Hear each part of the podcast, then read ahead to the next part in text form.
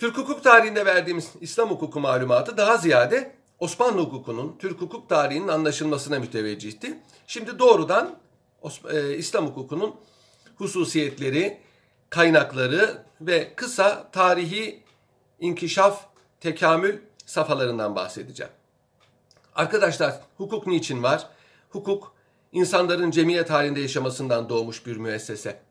İnsanda nefis ve ruh olmak üzere iki kuvvet var. Ruh insanı insan yapan kuvvettir. Nefis ise hayvanlarda da bulunan bir kuvvettir. İnsanın hayatta kalması, yaşaması, üremesi, çoğalması için var olan bir kuvvettir. İnsan kendini dünyanın merkezi kabul eder ve eğer ruhu güçlendirilmemişse bir hayvan gibi yaşar. Bu takdirde diğer canlılara, bakın insanlara demiyorum, diğer canlılara hayat hakkı tanımaz. Bu sebeple e, bazı kaideler insanı tahdit eder. Ruhu güçlendirir ve insan nefsini tahdit eder. Ahlak kaideleri, din kaideleri, adab-ı muaşeret kaideleri bunlardandır. Ve en mühimi hukuk. Hukuk diğerlerinden daha da e, güçlüdür cemiyet nizamı kurmada çünkü müeyyidesi vardır. Dünyevi müeyyidesi vardır. Örf adete ve adab-ı muaşerete uymamanın müeyyidesi cemiyette kınanmak, takbih edilmektir. Din kaidelerine uymamanın müeyyidesi günahtır ve ahirette mücazata, cezaya e, çarpılmaktır. Ancak hukuk kaidelerinin müeyyidesi dünyevidir. Bu sebeple arkadaşlar hukuk insanı takyit eder. Bütün dinler hukuk e, kaideleri getirmiştir. Bila istisna.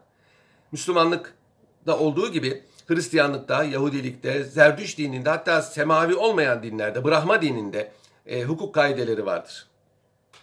İlk çağda, antik çağda hükümdarlar bile koydukları kaidelere birer din kaidesiymiş gibi e, e, bir hava vermek istemişlerdir. Böylece bağlayıcılığını arttırmak istemişlerdir. Dünyadaki hukuk sistemleri menşe itibariyle biliyorsunuz bazı e, tefriklere, tasniflere tabi tutulabiliyor e, dini hukuk sistemleri, beşeri hukuk sistemleri olmak üzere biz hukuk sistemlerini iki kategoride mütalaa ediyoruz. Beşeri hukuk sistemleri ya bir hükümdar tarafından, kral tarafından, bir üstün siyasi otorite tarafından konulmuştur veya bir parlamento tarafından, bir meclis tarafından konulmuştur veya insanlar arasındaki örf adet kaidelerinden teşekkül etmiştir veya hakimler tarafından yani e, konulmuştur veya e, hukukçular tarafından konulmuştur. Roma'da olduğu gibi veya İngiltere'de olduğu gibi hakimler tarafından konulmuştur. Almanya'da olduğu gibi örf adetlerden kaynaklanmıştır. Fransa'da olduğu gibi parlamento kararlarıyla olmuştur. Monarşilerde olduğu gibi hükümdar emirnameleriyle olmuştur. Bunların hepsi beşeri karakterlidir. Bunun karşısında dini hukuk sistemleri var. Dini hukuk sistemlerinin menşei, kaynağı dindir arkadaşlar. Din kaidelerinden neşet eder. Din nedir? Din Allah'ın insanlara dünyada ve e, uymaları gereken emir ve yasakları, inanç esaslarını, ahlaki esasları bildirdiği bir yoldur. İnsanlar bu yol sayesinde dünyada Allah'ın istediği gibi yani ilahi iradeye uygun yaşarlar. Öldükten sonra da mahkeme-i kübrada beraat edip ebedi cennette kalırlar. Din çok eski bir Sami kelimesi hukuk manasına da geliyor bugün e, Yahudice'de de din kullanılıyor. Hukuk manasınadır. Beddin hukuk evi, mahkeme demektir. Mesela e, e İbrani e, Yahudi hukukunda. Biz şimdi din ile hukuku birbirinden ayrı tutuyoruz. Her dinin bir hukuku vardır ama her hukuk din değildir. Birbirinden farklı. Ama dinin hakim olduğu cemiyetlerde din eşittir hukuk. Onun için İslam e, kültüründe şeriat tabiri kullanılıyor. Şeriat Allah'ın emir ve yasakları demektir. İnanç olabilir, e, bir takım emirler, yapılması istenen farzlar olabilir, ibadetler olabilir, kaçılması gereken bazı hareketler olabilir. İçki içmek, faiz almak, zina etmek, adam öldürmek, yalan söylemek gibi. Bunların hepsi şeriattır ve aynı zamanda hukuk kaideleridir. Her peygamberin bir şeriatı vardır. Musa peygamberin, Yakup peygamberin, efendim İbrahim peygamberin, Nuh peygamberin, İsa peygamberin, Nihat Muhammed peygamberin de bir şeriatı vardır. Şeriat tek başına kullanıldığı zaman şimdi İslam şeriatı anlaşılıyor ama aslında şeriat e, dini hukuk sistemi demektir. Meşru kelimesini kullanıyoruz. Eskiden teşri kelimesi kullanılırdı yasama karşılığı olarak. Şari kelimesi kullanılırdı kanun koyucu olarak. Günümüzde sadece meşru kelimesi yaşıyor. Meşru şeriata uygun demektir. Evet arkadaşlar İslam hukuku gayet tabii sizin de anladığınız gibi bu kategoride dini hukuk sistemleri içine giriyor.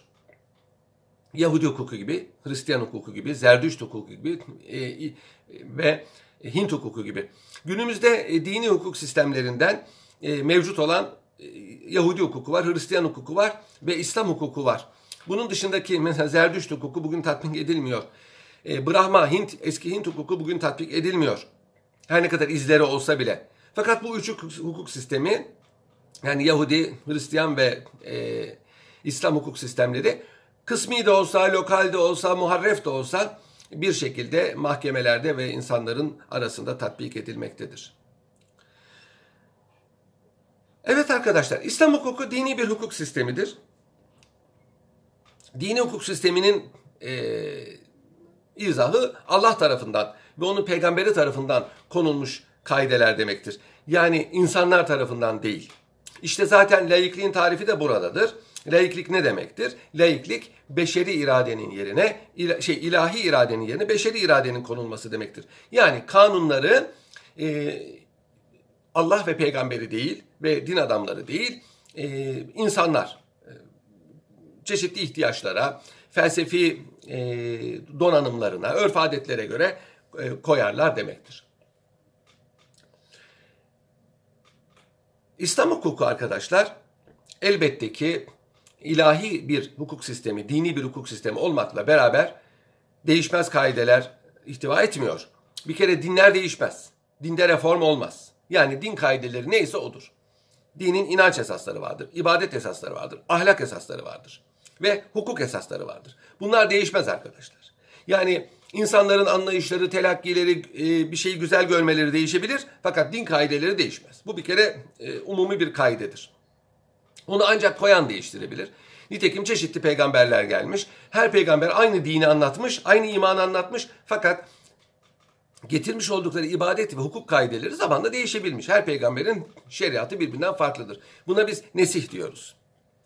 Ancak İslam hukukunda bütün hükümlerinin değişmez olduğu söylenemez. Çünkü İslam hukuku kaidelerini Kur'an ve sünnetten insanlar, hukukçular çıkarır. Onlar hukuk normu haline getirir. Onlar kodifiye ederler. Ne Kur'an ne sünnet birer kanun kitabıdır. Buradaki hükümler hukukçular tarafından kanun maddesine dönüştürülür, stilize edilir. Binaenaleyh burada işin içine yorum, tefsir giriyor. Her hukukçunun Kur'an ve sünnetten anladığı farklı olduğu için farklı hukuk kaideleri getirilebilir. Binaenaleyh e, bunlar değişebilir.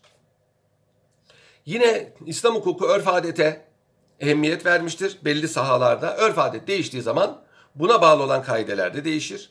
Öz aynı kalır, esas aynı kalır. Ve nihayet İslam hukuku dini bir hukuk sistemi olmakla beraber arkadaşlar hiç beşer katkısı bulunmadığı manasına gelmez. Biraz evvel söylediğim gibi İslam hukukunun tıpkı Yahudi ve Hristiyan hukukunda olduğu gibi hukuk kaidelerini insanlar yani hukukçular koymuştur. Bunlara müştehitler diyoruz. İslam hukuku hukukun bütün sahalarını tanzim etmez. Belli sahalarını tanzim eder, belli sahalarda ise bilerek boşluk bırakır arkadaşlar. Bu boşluğu hükümdarın, halifenin doldurmasını ister. Halife maslahat yani amme nizamı, kamu düzeni, çoğunluğun menfaatini nazar alarak keyfi değil, bu boşlukları doldurabilir. Nitekim mesela İslam hukuku anayasa, mali hukuk, ceza hukuku, e, milletler arası hukuk gibi sahalarda çok fazla hüküm getirmemiştir. Ya umumi kaideler getirmiştir ya çok mahdut birkaç hususi kaide getirmiştir. Bunu zamanın ihtiyaçları çerçevesinde teşrii otoriteye yani yasamaya bırakmıştır. Bu da İslam hukukunun hususiyetlerindendir. Peki bir hukuk sisteminin dini hukuk sistemi olmasından ne gibi neticeler doğuyor? Bir kere müeyyideler iki te, e, müsennadır. İki türlü müeyyide vardır. Yani düis bir e, sistemdir. Hukuk kaidelerinin bir uhrevi müeyyidesi vardır, bir de dünyevi müeyyidesi vardır. Şimdi ibadetler için dünyevi müeyyide yok. Çünkü ibadetler insanla Allah'ın arasındaki münasebetleri tanzim ediyor. Ama bunun dışında ibadetler dışında kalan insanın cemiyetle ve insanın başka insanlarla olan münasebetlerinde burada artık hukuk kaideleri mevzu bahistir. Ve burada hem dünyevi hem uhrevi mesuliyet vardır. şöyle ki bir kimse hırsızlık yaptığı zaman bir günah işlemiştir. Çünkü hırsızlık İslam dininin büyük günahlarındandır. Tövbe etmedikçe ve e, çaldığı malı sahibine iade etmedikçe Allah onu affetmez ve bundan dolayı ceza görür. Bir de bunun dünyevi meyidesi var. Hırsızlık yapan kimse gerek şer'i hukukun gerek örfi hukukun e, vaziyete göre e, tanzim ettiği ceza ile cezalandırılır. Bir kimsenin malını döken, kıran kimse hem e, telef ettiği için günaha girer, helalleşmesi lazımdır ve ödemesi lazımdır. Hem de hukuken suç işlemiş olur. Alışveriş yaparken İslam alışveriş hukuku kaidelerine uymak icap eder. Bu kaidelere uymayan kimsenin yapmış olduğu akit sahih olmaz. Hukuken bir netice doğurmaz ve aynı zamanda da günahkar olur. Evlenirken mesela iki şahidin huzurunda evlenmek lazımdır. İki şahit huzurunda evlenmeyen bir kimse hem evli sayılmaz bu dünyevi meyide hem de günahkar olur. Nikah akdini e, dinin istemediği şekilde yaptığı için. Bu da dün uhrevi müeyyidedir. Demek ki arkadaşlar dini hukuk sistemlerinde seküler görülen her muamelenin dini ciheti vardır. Bunun neticesi olarak e, biraz felsefi bir e, hususiyet bu. E, dini hukuk sistemlerine e, halkın riayeti daha fazladır. Çünkü insanlar hem suç işlemdikleri için ceza göreceklerinden korkuyorlar hem de e, ahirette bundan dolayı mesul olacaklarından korkuyorlar. Bu sebeple şeriatın kestiği parmak acımaz diye halk arasında bir söz vardır.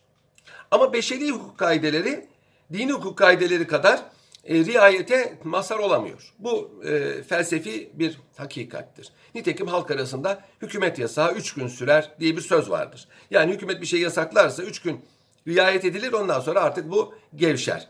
E, din kaideleri böyle değil. İşte onun içindir ki antik çağda hükümdarlar kendi çıkardıkları kanunlara bile Tanrı'nın iradesi böyledir diyorlardı.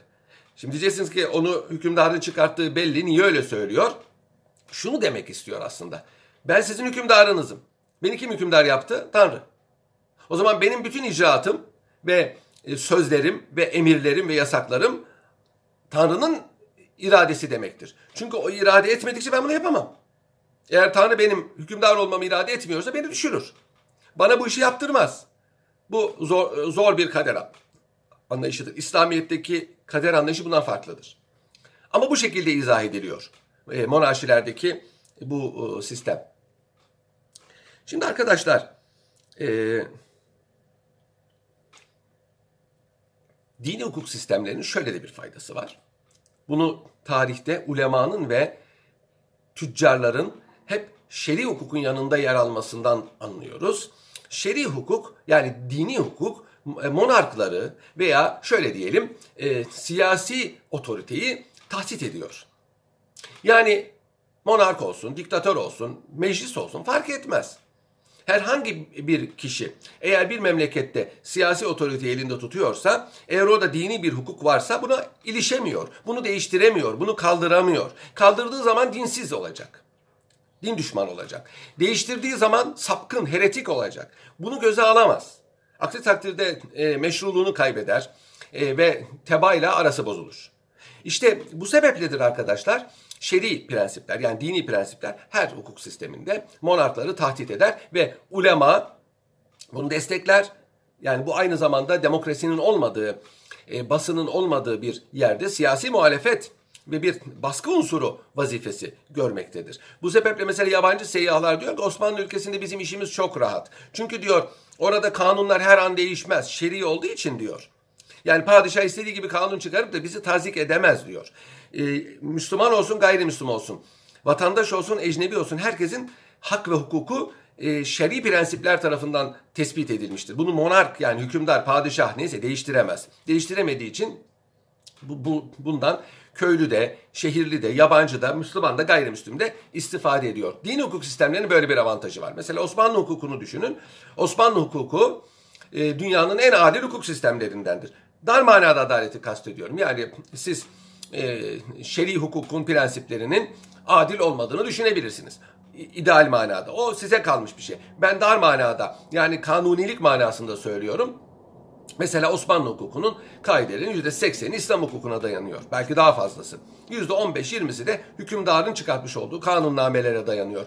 E binaenaleyh insan arasındaki münasebetlerin hemen hepsi şer'i hukuk tarafından tanzim edilmiş. Temel hak ve hürriyetler şer'i hukuk tarafından tanzim edilmiş. Bunu padişah değiştiremez ve bunu aykırı davranamaz. Ha davranabilir elbette teorik olarak ama bunun da neticelerine katlanması lazım.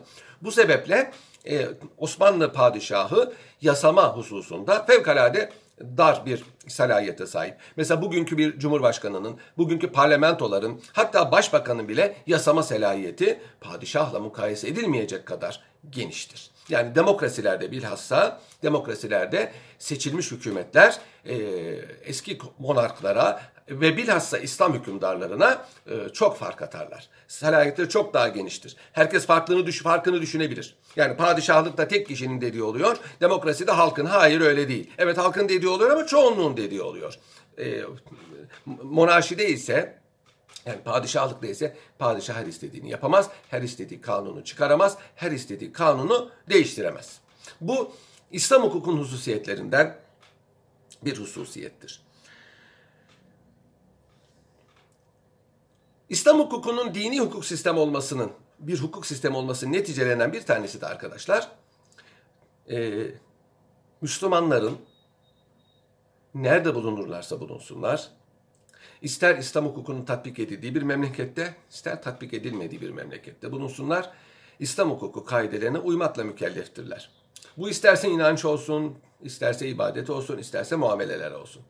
Ancak bu takdirde bu muamelelerin yani İslam hukuku kaidelerinin vasfı değişir. O zamana kadar yani bir Osmanlı Devleti düşünün İslam hukuku cari. Burada İslam hukuku kaideleri bir hukuk kaidesidir. Ama Türkiye Cumhuriyeti'nde İslam hukuku cari olmadığı için burada yaşayan Müslümanlar için İslam hukukunun kaideleri birer dini vecibe oluyor. Yani dine uymak isteyenler, günahtan korkanlar yine buna uymak mecburiyetindedirler. Halbuki e, dini olmayan beşeri hukuk sistemleri öyle değildir. Beşeri hukuk sistemleri bir memlekette meriyetten, yürürlükten kaldırıldığı zaman artık tarihin parçası olur. Hiçbir zaman, hiçbir yerde ona riayet eden olmaz. Etmesi de zaten beklenmez. Dini hukuk sistemlerinin böyle bir farkı vardır. Ancak arkadaşlar, ancak arkadaşlar, e, yani şu, İslam hukuku dini ama muamele, muamelelerin mutlaka din adamları tarafından yapılması lazım değil. Çünkü İslam hukukunda teokrasi yoktur. Yani ruhban sınıfı, ruhban sınıfı yoktur. Binaenaleyh, e, binaenaleyh e, bir muamelenin, bir nikahın, bir alışverişin e, din adamları tarafından yapılması, onlar tarafından e, onaylanması, onların kontrolünde yapılması diye bir şey mevzu bahis değil. Şimdi diyeceksiniz imam nikahı var. İmam nikahı istisnaidir arkadaşlar. Bir kere imam nikahı diye bir şey İslam hukukunda yoktur. İslam hukukunda evlenecek karı koca ben seninle evlendim, ben de seninle evlendim, ben seninle nikahlandım, ben de seninle nikahlandım. Ben seni zevceliğe aldım, ben de seni zevciliğe kabul ettim dedikleri zaman iki şahit huzurunda nikah olur.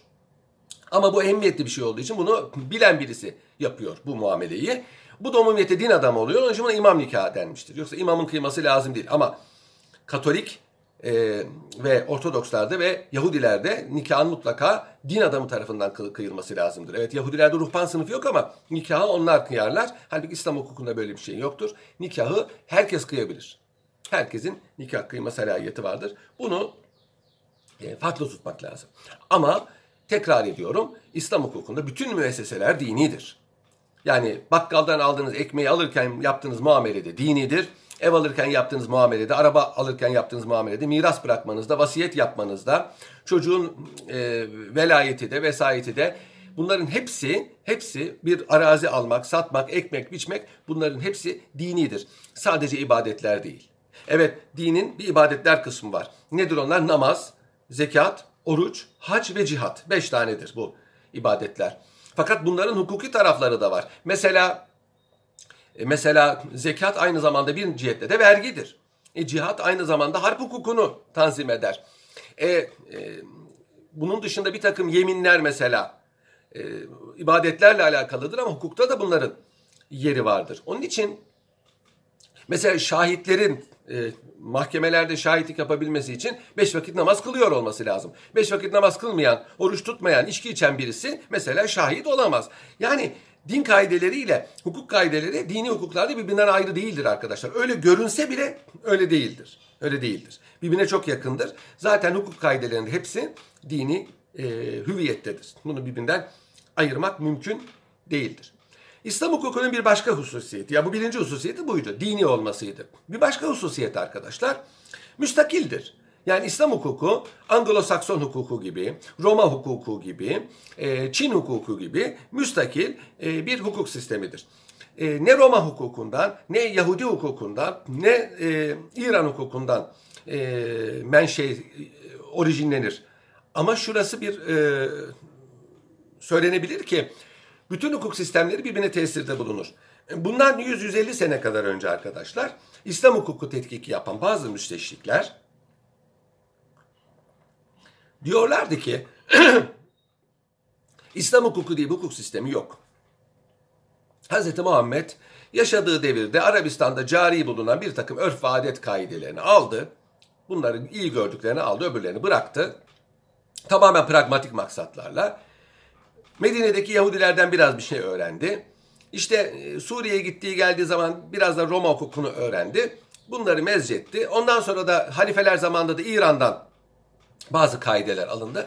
Böylece eski cahiliye devri Arap örfleri artı Yahudi hukuku artı Roma hukuku artı Pers hukukundan müteşekkil bir halita, bir karışım ortaya çıktı. İslam hukuku budur diyorlar.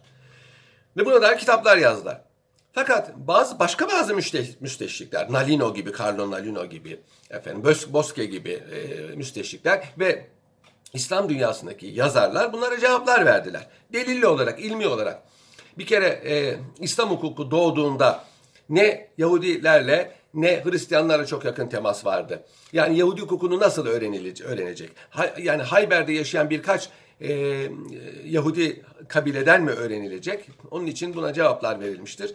İslam hukukunun teşekküründe Yahudi ve Yahudi ve Roma hukukunun ve Pers hukukunun bir e, ilham kaynağı olduğunu söyleyemeyiz. Ancak bütün dinler birbirine tesir ederler. İslam hukuku da doğduktan sonra inkişaf ederken gerek amme hukukunda, daha ziyade amme hukukunda ve kısmen hususi hukukta Yahudi hukukuna, efendim Roma hukukuna, Pers hukukuna e, e, benzer hususlarda ondan tesir görmüş olabilir. Nitekim onlara tesirde de bulunmuştur. Kaldı ki Yahudi hukukuyla, Hristiyan hukukuyla İslam hukukunun menşei birdir. İlahidir. Onların birbirine benzemeleri zaten gayet tabidir. Çünkü peygamberler umumiyeti birbirine benzer şeyler anlatırlar. Kaldı ki İslam dininde önceki peygamberlerin şeriatları da yürürlükten kaldırılmamışsa caridir. Yani e, İslam dini İsa peygamberin, Musa peygamberin ve daha önceki peygamberlerin getirmiş oldukları şeriat kaidelerini de aynen kabul etmiştir yürürlükten kaldırmadığı müddetçe kabul et. Bazılarını kaldırmış, bazılarını yerinde bırakmıştır. Bu da şerai men kablena. Bizden öncekilerin şeriatı diyoruz ki İslam hukukunda bu bir kaynaktır. İslam hukuku devamlı bir hukuk sistemidir. Bu da tabii arkadaşlar onun e, ilahi hukuk sistemi olmasının bir neticesidir. Yani İslam hukukunu bir siyasi otorite koymadığı gibi bir siyasi otorite de kaldıramaz. Peki kaldırdı diyelim Türkiye'de kaldırıldı 1926'da. 1928'de ee, Arnavutluk'ta kaldırıldı. 1949'da Kıbrıs'ta kaldırıldı. Ne oldu? Yani onlar kaldırılınca İslam hukuku ortadan kalkıyor mu? Hayır. İşte beşeri hukuklardan farkı bu. Biraz evvel anlatmıştım. Ee, pozitif hukuk olmaktan çıktığı zaman bile İslam hukuku varlığını devam ettirir. Nasıl devam ettirir? Bu pozitif hukuka tesirleri olarak değil. Elbette ki tesirleri vardır. Mesela medeni kanunda, medeni kanunda diyor ki amcayla, halayla, teyzeyle, dayıyla evlenmek yasak. E bu dini bir kaide. İslam hukukunun tesiridir. Halbuki BGB'de Alman kanununda böyle değil. Orada evlenilebilir. Halbuki biz Alman hukukunu kabul etmişiz. Bizim medeni hukukumuz Alman hukukudur. 1926'dan sonraki medeni hukukumuz, usul hukukumuz, ticaret hukuku, yani e, hususi hukukumuz tamamen Alman hukukunu kabul etmiştir Türkiye. 1926'dan itibaren. Ondan önce Fransız tesiri vardı. Tanzimattan sonra Fransız tesiri vardı. 1926'dan sonra tamamen Türk hukuku, Alman hukukunun bir e, kopyası olmuştur. Ceza hukuku hariç. O İtalyan hukukunun kopyasıdır. Şimdi arkadaşlar ama ceza usulü demeyin Alman mesela. Bu İslam hukukunun bir hususiyeti. Kaldırılmış olsa bile, kaldırılmış olsa bile orada Müslümanlar buna uymaya devam ederler. Ne olarak? Din kaidesi olarak. Yani hukuk varlığını devam ettirir. Sonra yine bakarsınız yine bir şey olur. Yine İslam hukuku kabul edilir. İslam hukukuna e, varlığını devam ettirir. Halbuki e, eski kanunlar öyle değil. Yürürlükten kaldırıldı mı o kanun artık fersude olur. İslam hukuku cihan şumuldür. Her hukuk sistemi o hukuku çıkaran memlekette caridir. Halbuki bazı hukuk sistemleri var. Bu hukuk sistemleri e, devletler üstüdür. Yasama meclislerinin üzerindedir. Roma hukuku gibi mesela. İslam hukuku da öyledir. İslam hukuku mesela bundan 100 sene önce çok farklı memleketlerde cariydi. Fast mesela ayrı bir devlet, Osmanlı Devleti ayrı bir devlet. Hindistan'da Babür İmparatorluğu var ayrı bir devlet. Kaşgar Hanlığı var, Hokan Hanlığı var, Hıva Hanlığı var. E, bugünkü Endonezya'da Aceh oralar hepsi de İslam hukuku tatbik ediliyor. Farklı devletler, farklı memleketler İslam hukuku tatbik ediliyor. Demek İslam hukuku cihan şumul. Çünkü dini menşelidir. O dine mensup olanların her yerde siyasi hakimiyeti elde tutuyorlarsa orada İslam hukuku bir hukuk sistemi demektir. Bunun neticesi olarak İslam hukukunda kaideler makabine şamil değildir arkadaşlar. Yani kanun gelmeden önce tatbik edilmiş olan kaidelere bu tatbik edilmez. E ama İslam hukuku zaten 1400 oldu. O zaman da şöyle bir netice var. Yeni Müslüman olmuş birisi Müslüman olduktan sonra İslam hukuku kaidelerine tabi olur. Hatta Müslüman olmuş ve İslam hukuku kaidelerini öğrenmemişse bundan dolayı günahkar ve suçlu kabul edilmez arkadaşlar. Yani bir adam Müslüman olmuş, e, İslam memleketine gelmiş ve bir suç işlemiş veya bir yanlış yapmış. Bundan dolayı ona ceza verilmez. Çünkü yeni Müslüman olmuştur. Bu kaideyi öğrenmesi biraz zaman alabilir. Yani kanunu bilmemek mazeret e, değildir kaidesinin bazı istisnaları vardır. Şimdi cihan şumul dedik. Müslüman olmayanlar ne oluyor? Müslüman olmayanlar da İslam hukukunun hükümleriyle muhataptır. Nerede? Darül İslam'da. Müslümanların hakim olduğu yerde yaşayan gayrimüslimler pozitif hukuk olduğu için İslam hukukuna tabidir ancak bazı muafiyetleri vardır. Mesela kendi dinlerine göre evlenebilirler, boşanabilirler. Kendi dinlerinin yasak saymadığı bir şeyden dolayı ceza almazlar. Mesela içki içmekten. İçki içmek Müslümana haramdır. Gayrimüslime haram değildir. Onun için gayrimüslimler içki içebilirler. Bundan dolayı ceza almazlar. Gayrimüslimler içki yapabilirler, satabilirler, meyhane açabilirler. Osmanlı Devleti'nde çok sayıda meyhane vardı. İçki alım satımı serbestti çünkü nüfusun yarısı gayrimüslimdi. Ve devlet bunlardan vergi alıyordu. Şimdi bazıları diyorlar ki Osmanlı Devleti nasıl şeriat devleti? Meyhaneler var. Evet var meyhaneler. Yok Sultan Abdülhamit devrinde bira fabrikası açılmış. Sultan Abdülhamit'i bırakın belki Osman Gazi zamanında da var. Gayrimüslim yaşadığı bir yerde domuz da beslenir, şarap da yapılır. Bundan vergi de alır devlet. İnsan hakları ve hürriyetleri bunu icap ettirir. İslam hukuku bunu icap ettirir. Çünkü İslam hukukunda bir kaide var. Gayrimüslimler kendi dinleri üzerine bırakılır. Din hürriyeti bunu icap ettirir. Ve bana tabi olacaksın diyemezsin. Canım ibadetin etkiliyse de onun dışında bana tabisin. Hayır din demek sadece ibadet etmek demek değildir. Hukuk kaideleri de din demektir. Onları siz tatbik etmediğiniz zaman o zaman din hürriyeti yoktur. Bir kimse kendi dinine göre evlenemiyor, boşanamıyor, miras bırakamıyor, alışveriş yapamıyorsa bir memlekette orada din hürriyeti yok demektir. Veya eksik demektir. Sadece ibadet. İnan, inan. Işte ibadet, mabedine gitmeyi seni kim engelliyor? Camine git, kilisene git. Öyle değil. Din hürriyeti bu kadar basit değil. Bu kadar basit olmadığı içindir ki e, insan haklarının ve demokrasinin en ileri olduğu memleketlerde Kanada gibi, İngiltere gibi, İsveç gibi buralarda mesela İslam ve Yahudi hukukunun orada bulunan Müslümanlar ve Yahudiler arasında tatbikine izin verilmiştir. İsrail'de bile böyledir. İsrail bile pek çok İslam ülkesinden daha bu hususta demokrattır.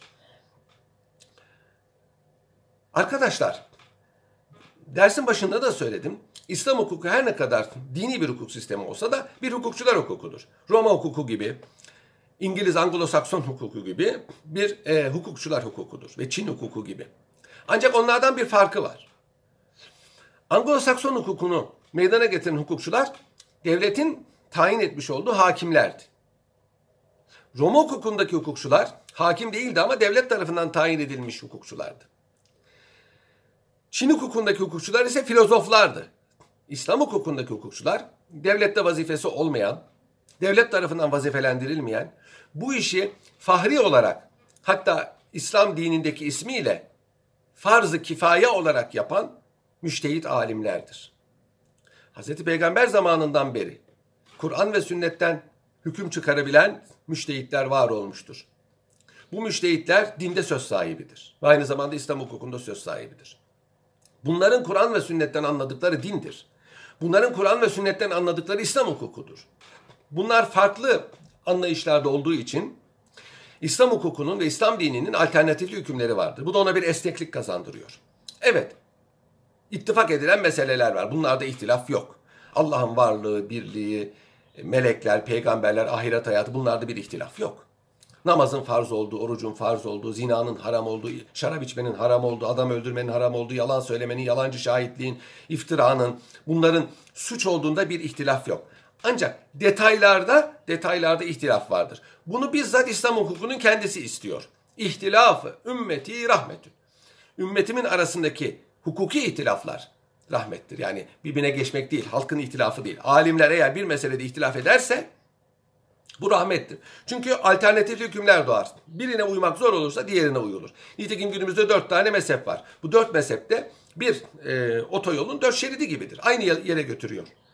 Bu, buna uyan da dine uymuştur. Öbürüne uyan da dine, dine uymuştur. Aynı onun gibidir. Hukukçular hukuku olmasının böyle bir neticesi vardır. Ve aynı zamanda hukukçular hukuku olması İslam hukukuna bir dinamizm katıyor. Hem esneklik katıyor hem dinamizm katıyor. Neden dinamizm katıyor? Zaman değiştiği zaman hukukçular anlayışları değişir, örf adetler değişir. Hukukçular aynı usul çerçevesinde Kur'an ve sünnetten yeni hükümler çıkarabilirler. E, bu da İslam hukukunun değişen zamana adaptasyonuna yardımcı oluyor. Onun için İslam hukuku dini bir hukuk sistemi olsa bile donuk, statik bir hukuk değildir, demode değildir. Beşeri hukukların hepsinden daha bir dinamizme sahiptir. Beşeri hukukta bir kanun çıkarırsınız. O kanun bazen iki sene sonra eskir. Ama İslam hukukunda hiçbir zaman kanun eskimez. İslam hukukunun bir hukukçular hukuku olmasının neticesi şu. Bir kere Kur'an ve sünnet sıradan insanları değil, İslam hukukçularını, müştehit alimleri muhatap alır. Yani sıradan insanlar Kur'an ve sünnetten hüküm çıkaramazlar. Arapça bilseler bile bu mümkün değildir. Nitekim e, dünya Müslümanlarının çoğu Arapça biliyor ama Kur'an-ı Kerim'den ve sünnetten hüküm çıkaramazlar. Bunun için iştihat denilen bir melekeyi kazanmak lazım. İşte Kur'an-ı Kerim'i ezbere bilmek, Arapça edebiyatıyla bilmek, e, Arapça ilimlerin hepsini öğrenmek. 12 tane aslı ilim vardır. Bunlar e, 80'e kadar e, alt dallarıyla ayrılır. Bunları bilmek lazımdır. 12 alet ilmi var, 8 yüksek ilim var, 20 eder. Ve bunların alt ilimleri var. Bunları bilmek lazım. Yüz binlerce hadis-i şerif ezbere bilmek lazım. Ayet-i kerimelerin ne zaman geldiği, e, hadis-i şeriflerin ne zaman söylendiği, kim için söylendiği, öncelik sonralık sırası bunları bilmek lazım. Alimlerin ittifaklarını bilmek lazım, iştihatlarını ve ihtilaflarını bilmek lazım ve salim bir kalbe sahip olmak lazım. Bu herkes olamayacağı için dünyadaki insanların çok azı müştehittir. Müştehitler Kur'an ve sünnetten hüküm çıkarırlar. İşte bunları biz İslam hukukçusu diyoruz. Bunların çıkarmış olduğu hükümler onların mezhebini teşkil eder. Her bir alimin böyle mezhebi vardır. Ve bu çalışmaları yani Kur'an ve sünnetten hüküm çıkartmaya müteveccih çalışmaları fıkıh ilmini meydana getirmiştir. Şimdi biz hukuk dediğimiz zaman çok çeşitli manalar. Mesela hukuka gideceğim dediğiniz zaman hukuk fakültesine gideceğim demektir. Hukukçu dediğiniz zaman hukuk mesleğiyle iştigal eden demektir. Hukuk böyle diyor derseniz kanun anlaşılır. İşte burada da fıkıh dendiği zaman İslam hukuk ilmine verilen isimdir. İşte bunlara fakih deniyor arkadaşlar. İslam hukukçularına fakih deniyor. Bunların bir kısmı müştehittir, diğerleri müştehit değildir. Müştehitlerin sözlerini izah ederler ve sonraki insanlara aktarırlar. Bu alimler kitaplar yazmışlardır. İslam hukukunun kanun kitapları bu hukukçuların yazmış oldukları fıkıh kitaplarıdır arkadaşlar. Onların yazdığı kitaplar İslam kanunu demektir. Bunlara biz fıkıh kitapları adını veriyoruz. Mahmud Esat Efendi diyor ki ama bu Mahmud Esat Bozkurt değil Osmanlı Devleti zamanında yaşamış büyük hukukçulardandır. diyor ki hiçbir hukukçuya nasip olmayan bir e, şerefe İslam hukukçuları kavuşmuştur. Hiçbir resmi vazifesi olmayan bu hukukçular meydana getirdikleri kitaplar mahkemelerde kanun, hukuk fakültelerinde ders kitabı olarak okutulmuştur. Roma hukukçularının bile nüfuzu daha şahsiydi. İslam hukukçularının hukuku e, çok daha geniştir. Yani onlara uymak aynı zamanda aynı zamanda e, dine uymak ve hukuka uymak manasına geliyor. İşte arkadaşlar e, İslam hukukunun hukukçular hukuku olmasının neticesi İslam hukukunun hem e, beşer katkısının bulunması hem elastiki hem de zamana adapte olmak e, imkanını sağlıyor. Müştehit olmak için okulu var mı? Elbette ki okulu yok. Hiçbir şeyin okulu olmaz. Okul pratik bir şeydir. Müştehit olmak için başka bir müştehitten okumak, yetişmek, bütün bu ilimleri tahsil etmek icap eder. Eshab-ı kiramın hepsi müştehit idi. Hangi okulda okudular? Hiçbir okulda okumadılar. Müştehitlerin de çoğu okula gitmemişlerdir. Yani okula gitmek basit insanlar içindir. Onlar hususi ders görmüşlerdir. Yani bir başka müştehitten ders görmüşler ve kendilerine lazım olan bilgileri okumuşlardır. E bunlardan bir kısmı da medrese okumuşlardır elbette. Ama her medrese okuyan, her medrese mezunu da müştehit demek değildir. İştihat bahsinde bunu tekrar göreceğiz arkadaşlar. Kur'an-ı Kerim böyle bir tasnifte bulunuyor. Kur'an-ı Kerim insanların müştehit olanlar ve olmayanlar diye ayırıyor. Ve müştehit olmayanların müştehit olanlara uyması gerektiğini Kur'an-ı Kerim söylüyor. Mesela savaşa çıkarken diyor hepiniz birden çıkmayın. Bir kısmınız diyor kalsın ilimle meşgul olanlar kalsın ki o savaşa gidenler döndüğü zaman onlara dini öğretsin. Dini öğretmek ne demektir? Müştehit olmak demektir. Yine başka bir yerde diyor ki Allah'a itaat edin, peygambere itaat edin, sizden olan ulul emre, emir sahiplerine itaat edin. Kimdir sizden olan emir sahipleri? Reis-i Cumhur mu? Başbakan mı? Kral mı? Padişah mı? Hayır. Onun cevabını yine Kur'an-ı Kerim veriyor. Kur'an ve sünnetten hüküm çıkarabilen müştehitler. Bunlara tabi olacaksınız. Peki herkes böyle tefsir etmiyor. Tam, hükümdara itaat edin tamam. Hükümdar da eğer işte o müştehitlerin sözüne uyuyorsa ki uyuyordur İslam devletinde öyledir. O zaman mecazen o da emir sahibi olur. Yoksa İslam hukukunda uyulması emredilen emir sahipleri müştehit alimlerdir. Feselu ehle zikri in kuntum la ta'lemun. Bilmiyorsanız bilenlere sorunuz. Demek ki bilenler var, bilmeyenler var. Bilenler müştehitler, bilmeyenler de müştehit olmayanlardır. Onun için bir kimse Kur'an'a göre namaz kılamaz, sünnete göre oruç tutamaz. Bir kimse dört mezhepten birine göre namaz kılabilir, ona göre oruç tutabilir. Ben Kur'an'a ve sünnete göre oruç tutuyorum, namaz kılıyorum diyen hiçbir şey yapmış değildir. Çünkü müştehit değil kendisi. Müştehit ise zaten mesele yok. Ama öyle birine de zaten yıllardır rastlanmıyor. Ve nihayet arkadaşlar İslam hukuku kazuistik bir hukuk. Meseleci bir hukuktur. Ne demek bu? Hukuka dair her şey tek tek sayılmıştır. Madde madde. Yani umumi kaideler yoktur. Umumi kaideler e, konulmamıştır.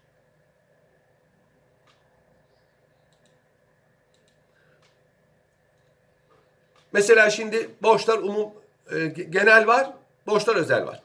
Borçlar genelde siz ne okuyorsunuz? E, borçlar hukukunun akit nedir, taraflar nedir, icap nedir, kabul nedir bunları okuyorsunuz. Peki, peki e, peki şart nedir? E, butlan nedir? Bunların hepsini borçlar umumide okuyorsunuz. İki, üçüncü sınıfta borçlar hususu okuyorsunuz. Orada da tek tek akitleri. Şimdi İslam hukukunda böyle bir şey yok. Yani genel bir e, telakki yok. Her akit için ayrı hükümler var. Her suç için ayrı hükümler var. Misal vereyim. Mesela af. Şahsi ak, af ve umumi af. Ceza hukukunda. Bütün suçlar için de, değil İslam hukukunda. Mesela şahsi af sadece şahsa dair işlenen suçlarda mesela adam öldürme, yaralama bunlar da hüküm ifade eder. Bunlar da devlet affedemez. Mesela zina gibi, hırsızlık gibi, e, şarap içme gibi suçlarda ise af mevzu bahis değil. Bunun dışındaki suçlarda ise devlet affedebilir, şahıslar affedemez. İşte arkadaşlar e, akitlerde mesela mülkiyet ne zaman geçer? Mesela satım akdinde mülkiyet akitle geçer. hibe de bağışlamada teslimle geçer. Halbuki ikisi de mülkiyeti devreden akittir. Biri bedelli, biri bedelsiz. Ama ikisinin de farklı hükümleri var. Neden? Çünkü Kur'an ve sünnet. Kaynak Kur'an ve sünnet. Birinde ayrı şart aranmış, diğerinde ayrı şart aranmış. Bu sebeple arkadaşlar İslam hukukunda umumi bir ceza, umumi bir borçlar koyma imkanı yoktur. Bu sebeple her bahis ayrı ayrı anlatılır. Yani alışverişte mesela şart, şart koşmak. Alışverişte başkadır. Ariyette başkadır mesela. Onda var onda var. Mesela akitler bağlayıcı mıdır değil midir? Bazı akitler bağlayıcıdır bazıları değildir. Onun için İslam hukukunda her mesele için ayrı hüküm konu. Buna meseleci hukuk sistemi diyoruz. Bu yorucu fakat adalete daha uygundur. Çünkü her hukuki müessese için ayrı bir e, tanzim var. Bundan dolayı İslam hukukunu e, tenkit etmemeli. Roma hukuku da böyleydi eskiden. Prusya Medeni Kanunu böyleydi. Rusya Medeni Kanunu böyleydi. Onlar da hep kazuistikti. Yahudi ve Hristiyan hukuku da kazuistiktir. Fakat bu İslam hukukunda hiçbir zaman hep böyle devam etmiş manasına gelmiyor. Daha ilk zamanlardan itibaren İslam hukukçular arkadaşlar İslam hukukunun umumi kaidelerine kafa yormuşlar. Ta mesela Ebu Tahir Debbas var Hanefi fukahasından. ilk asırlarda yaşamış. O buna kafa yormuş. Debbusi kafa yormuş. Mukayeseli hukuku ilk ortaya çıkaranlardan. O kafa yormuş. Sonra başka mezheplerden kişiler kafa yormuşlar. Ama en çok Hanefiler kafa yormuşlar. İbn-i Nüceym, Hadimi gibi. Ve hukukun umumi prensipleri, külli kaideler meydana getirmişler. Bir işten maksat neyse hüküm ona göredir. Ölürken bir adam, ölmek üzereyken malımı filancaya bağışladım dese biz bunun vasiyet olduğunu söyleriz.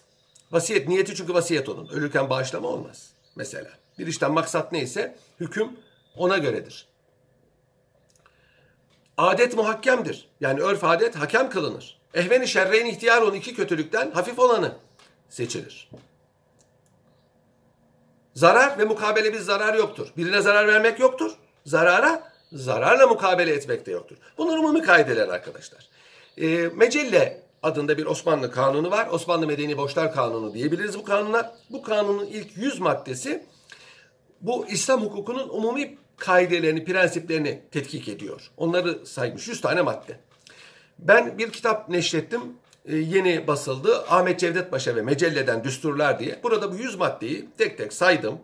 Bugünkü konuşulan dile çevirdim. Arapça menşeini verdim. Misallerle izah ettim. Merak edenler bu küçük bir kitaptır. Ama çok faydalı bir kitaptır.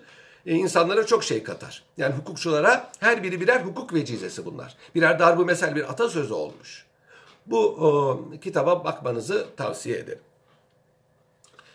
İslam hukuku nusiyetleri bunlar. Arkadaşlar İslam hukuku bundan 1400 sene önce Hicri, Hicret'e göre e, Arabistan'da ortaya çıkmış bir hukuk.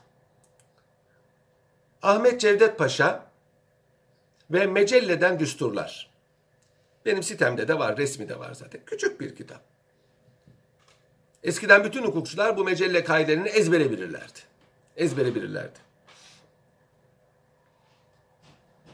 Kelamın imali ihmalinden evladır. Yani bir sözü bir şeye e, yormak onu ihmal etmekten daha iyidir. Zamanın değişmesiyle hükümlerin değişmesi inkar edilemez. Bunlar mecelle kaidesidir. Faydalıdır. Tavsiye ederim. İstifade edersiniz. Yani hukuk nosyonunun teşekküründe faydalı e, kaidelerdir bunlar. Kısa bir zamanda İslam hukuku pek geniş bir sahada tatbik edildi arkadaşlar. Çünkü Müslüman olan kişinin İslam hukukunu kabul etmesi lazımdır. Çünkü İslam hukuku e, hükümleri din demektir. Yani ben Müslümanım ama hukuku kabul etmiyorum. Bu olamaz. Yani bu bir bütündür. Zaten e, abdest namaz neyse alışveriş miras da odur. Bir, bir, aynı kaynaklardan çıkıyor. Kur'an ve sünnetten çıkıyor. İkisini de müştehitler çıkarıyor. Kısa bir zamanda biliyorsunuz e, Müslüman Araplar Arabistan'ı e, fethettiler. Bu fetihler barışçı yollardan oldu. Sadece Taif ve Mekke dışında hiç savaş olmadı Arabistan'da. Hazreti Peygamber zamanında hiç savaş olmadı. Bahreyn, Umman, Yemen öyle bunların hepsi Necran barış yoluyla bu e, yeni kurulan İslam İmparatorluğu'na katıldılar. Suriye, Irak, Mısır, Kuzey Afrika, İran, Türkistan işlerine kadar Anadolu'nun yarısı ve İspanya fethedildi. Geniş bir coğrafyada İslam hukuku tatbik edildi. Ve burada yerli hukuklara tesirde bulundu, Hristiyan hukukuna tesirde bulundu, Yahudi hukukuna tesirde bulundu ve Roma hukukuna tesirde bulundu. Çeşitli müesseseler. Kendisi de tesir gördü, kendisi de tesirde bulundu. Ve çok büyük İslam hukukçuları yetişti. Bu yetişen İslam hukukçuları dünya hukuk hayatına umumi olarak söylüyorum çok büyük katkılarda bulundular. E, zamanı gelince de misal veririm ama şimdi misal vereyim. İslam hukuku tarihinde o kadar büyük hukukçular yetişti ki bu hukukçular bir yandan adalet idesini tarif ettiler. Bu işin felsefesi de bunun üzerine fazla girmiyoruz. Adalet herkese hakkını vermek demektir. Dar manada ve geniş manada iki tane var. Geniş manada adalet tabi hukuk çerçevesinde her insanın doğuştan kazandığı haklar vardır. Bunları hiç kimse vermez, hiç kimse de alamaz. Umumi adalet bu demektir. Din bu adaleti ben temsil ediyorum der. Bir de dar manada adalet var. Bir memlekette cari olan kanunlara riayet. Eğer devlet bir memlekette cari olan kanunlara riayet ediyorsa, insanlar riayet ediyorsa orada dar manada adalet vardır. Bu adil olmayabilir. Nitekim Nazi Almanyası yaptığı bütün zulümleri kanuna uydurarak yapmıştı. Ama e, neticede dar manada adalet var. İslam hukukçuları hem geniş manada adaleti tarif ettiler ve ortaya koydular hem dar manada adaletin tatbiki için çalıştılar. Hem teorik olarak çalıştılar hem pratik olarak çalıştılar. Yani İslam hukuku tatbik ettiler. Çeşitli vazifeler aldılar. Ve İslam hukukçuları aynı zamanda bir din alimi olduğu için siyasi otoriteyi ve sosyal hayatı tanzim ettiler. Onları devamlı kontrol altında tuttular. En mühimi bir takım yenilikler İslam hukukçularından geldi. Mesela arkadaşlar hukuk metodolojisi yani hukuk kaideleri hukuk kaideleri nasıl meydana getiriliyor? Hangi kaynaktan gelirse gelsin. Buna dair günümüze intikal etmiş en eski kitaplar İslam hukukçularına aittir. İmam Şafii 150 senesinde dünyaya geldi. Hicri. 204 senesinde vefat etti. Yani bundan 1200 sene önce vefat etti. 1240 sene önce vefat etti. Bu zat dünyada bilinen en eski yani günümüze intikal etmiş en eski metodoloji kitabını yazmıştır. Er Resale adıyla. Günümüze gelmiş ve tercüme edilmiş. Başka dillere de tercüme edilmiştir. Dünyanın en eski bilinen mukayeseli hukuk kitabı yine İslam hukukçuları tarafından yazılmıştır. Debussy adında Türkistanlı Karahanlılar devrinde yaşamış bir Türk alimi, Türk olduğu söylenen bir alim çünkü Türkistan mıntıkası, Takvimül Edille adında bir kitap yazmış. Burada hukuk kaidelerini birbirine mukayese ediyor ki biliyorsunuz mukayeseli hukuk çok yeni ortaya çıkmış bir sistemdir. Devletler hukukuna dair en eski kitap İslam hukukunda yazılmıştır. Bilinen bakın. Bilinen. Es-Siyerül Kebir İmam Muhammed'e aittir. İmam Muhammed bundan 1300 sene önce yaşadı. 1250 sene önce yaşadı. Halbuki Avrupa'da en eski bilinen devletler hukuku kitabı kimindir arkadaşlar? Hugo Grotius'a aittir. 15. asır Mare Nostrum. Ondan önce varsa da biz bilmiyoruz. Yani ben şimdi taassup göstermek de istemem elbette ki. Yani vardır belki ama bize intikal etmedi. Yine dünyanın en eski vergi hukuku kitabı. Kitabül Haraç bir Müslüman hukukçu tarafından, İmam Ebu Yusuf tarafından yazılmıştır. Yine aklıma geldi mesela dünyanın en eski çocuk haklarına dair kitabı Üsruşeni adında Türkistanlı bir alim tarafından bundan 1100 sene önce yazılmıştır. 10. asırda. İslam hukukçularının İslam hukukçularının pek çok kaideyi yumuşatmak hususunda dünya hukukuna çok katkısı olmuştur. Bunu objektif hukukçular e, itiraf etmektedirler. Bir kere öteki mefhumunun öteki mefhumunun geçen derste de anlatmıştım. En ciddi yer aldığı, tanzim edildiği hukuk sistemidir. Kölelerin mesela e, hukuki statüsü İslam hukukunda tanzim olunmuştur. Ötekilerin yani yabancıların yani İslam vatandaşı olmayanların hukuki statüsü. İslam ülkesinde yaşayan ve Müslüman olmayanların hukuki statüsü. Bunların hepsi en ince detaylarına kadar tanzim olunmuştur. İslam hukuku bu cihette e, dünya hukuk e, tarihinde dünya hukukuna, dünya hukuk ilmine büyük katkılarda bulunmuştur. Ve nasıl bulunması ki biliyorsunuz İspanya Reconquista'dan sonra da yani İspanyollar tarafından fethedildikten sonra biliyorsunuz yine Arapça mahkemelerde devam etti, mekteplerde devam etti. İspanyollar Arapça öğreniyorlardı çünkü dünyanın en eski üniversiteleri, Avrupa'nın en eski üniversitesi İspanya'daydı, Kurtuba'daydı. Arapça tedrisat yapardı. Yıllarca Ara Arapça tedrisat yaptı. 1600'lere kadar İspanya'da ilim dili Arapçaydı. Hatta bugün bile e, hakimler alkade derler. El kadi, kadıdan geliyor. Kadıdan geliyor. Bu cihette arkadaşlar İslam hukukunun ciddi tesiri var. En enteresan tesir de arkadaşlar e, Anglo-Saksonlar olmuştur. İngilizlere olmuştur. Bunun bir yolu İspanya üzerindendir. Tamam bunu herkes kabul ediyor. Bir yolu Sicilya üzerindendir. Sicilya Müslümanlara ait bir topraktı ve burada İslam hukuku tatbik ediliyordu. Daha sonra Normanlar burayı istila ettiler. Müslümanlar bir müddet Normanlarla beraber yaşadılar. Sonra isyan ettiler ve e, Sicilya'dan çıkarıldılar. Ve Sicilya o zamandan bu zamana gayrimüslim idaresinde bir mıntıkadır.